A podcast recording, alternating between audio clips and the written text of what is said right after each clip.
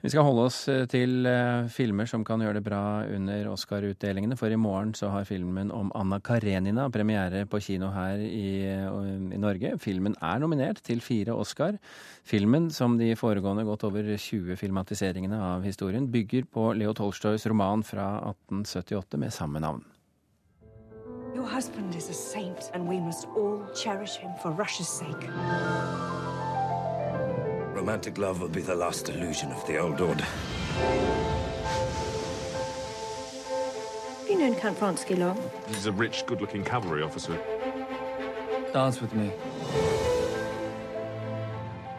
Marit eh, Christensen, tidligere Moskva-korrespondent for NRK. Du har sett denne filmen. Hva syns du? Jeg syns det var en eh, strålende film på veldig mange måter. Gammel historie, kjent av veldig mange. Filmatisert gang på gang på gang på gang. Uh, satt opp på scener som uh, serie i fjernsyn, uh, ballett og alt mulig. og her i denne filmen så er det en del nye grep som kunne ha forstyrret formidlingen av selve denne fantastiske, lidenskapelige kjærlighetshistorien. Men det gjør ikke det. Det gjør faktisk historien enda mer storslått, synes jeg. Hvilke grep snakker du om da? Ja, og det er faktisk de grepene som uh, filmen er uh, nominert for til Oscar, nemlig fotografi, kostymer, scenografi og musikken.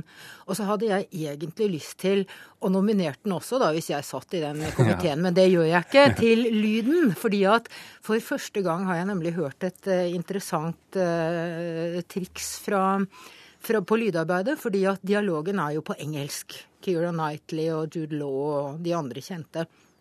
Men bakgrunnsstøyen, det som vi kaller sorg i eh, profesjonelt språk, er på russisk. Og jeg som da skjønner russisk, jeg forstår hva de sier. Og det er eh, fantastisk, et fantastisk grep som gjør at denne russisk-assosiasjonen blir veldig mye sterkere. Og det er jo noe av det som er det flotteste ved denne filmen, synes jeg. Fordi at sist gang jeg så den, så var det en fjernsynsserie her på NRK for eh, et år siden eller to, eller hva det var. Da fikk jeg ikke russiske assosiasjoner. Mens nå, da, med denne russisklyden, med den russiske musikken Her har de brukt altså Tsjajkovskij, eh, de har brukt Prakofjev, de har brukt folkeviser, eh, og det er St. Petersburgs eh, symfoniorkester som spiller. Og så er det da scenografien.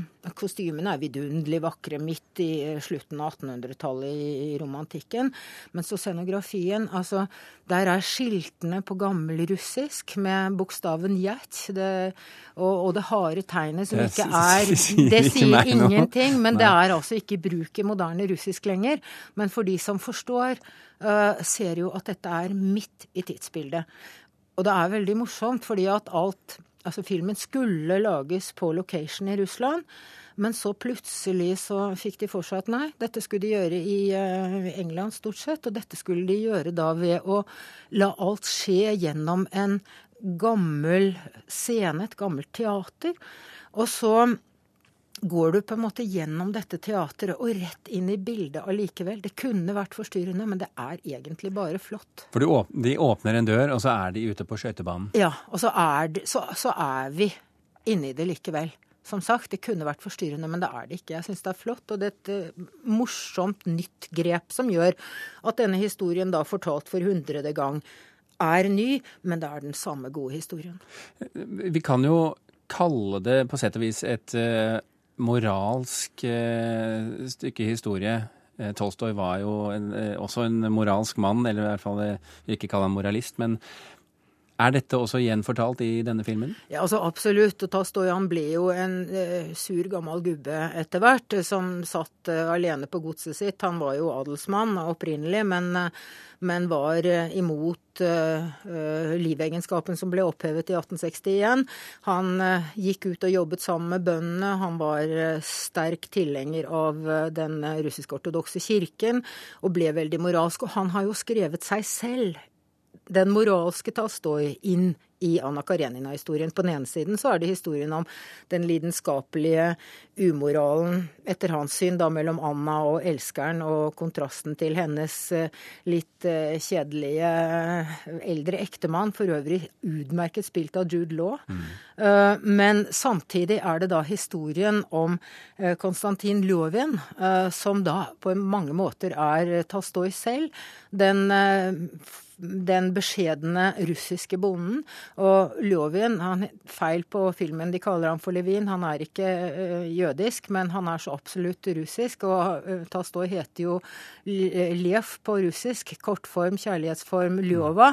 Og Ljovin betyr altså Leos, uh, og det er ham selv. Vi, vi må selvfølgelig si noen ord til slutt om Kiera Knightley. Er hun en god Karenina, Anna Karenina? Jeg syns det. Jeg får tillit til uh, Keira Knightley. Uh, men det er ikke skuespill som jeg helt faller av stolen for. I det hele tatt er ikke skuespillet eh, helt utrolig fantastisk. Utmerket, profesjonelt, glitrende. Men det er liksom de andre tingene som filmen er eh, nominert for. Du kan selvfølgelig ikke nominere da Lev Tolstoy til Oscar. Han har på en måte fått eh, æren for denne historien før. Men ja, se den. En opplevelse. Marit Christensen, tusen hjertelig takk for at du kom hit til Kulturnytt i ettermiddag.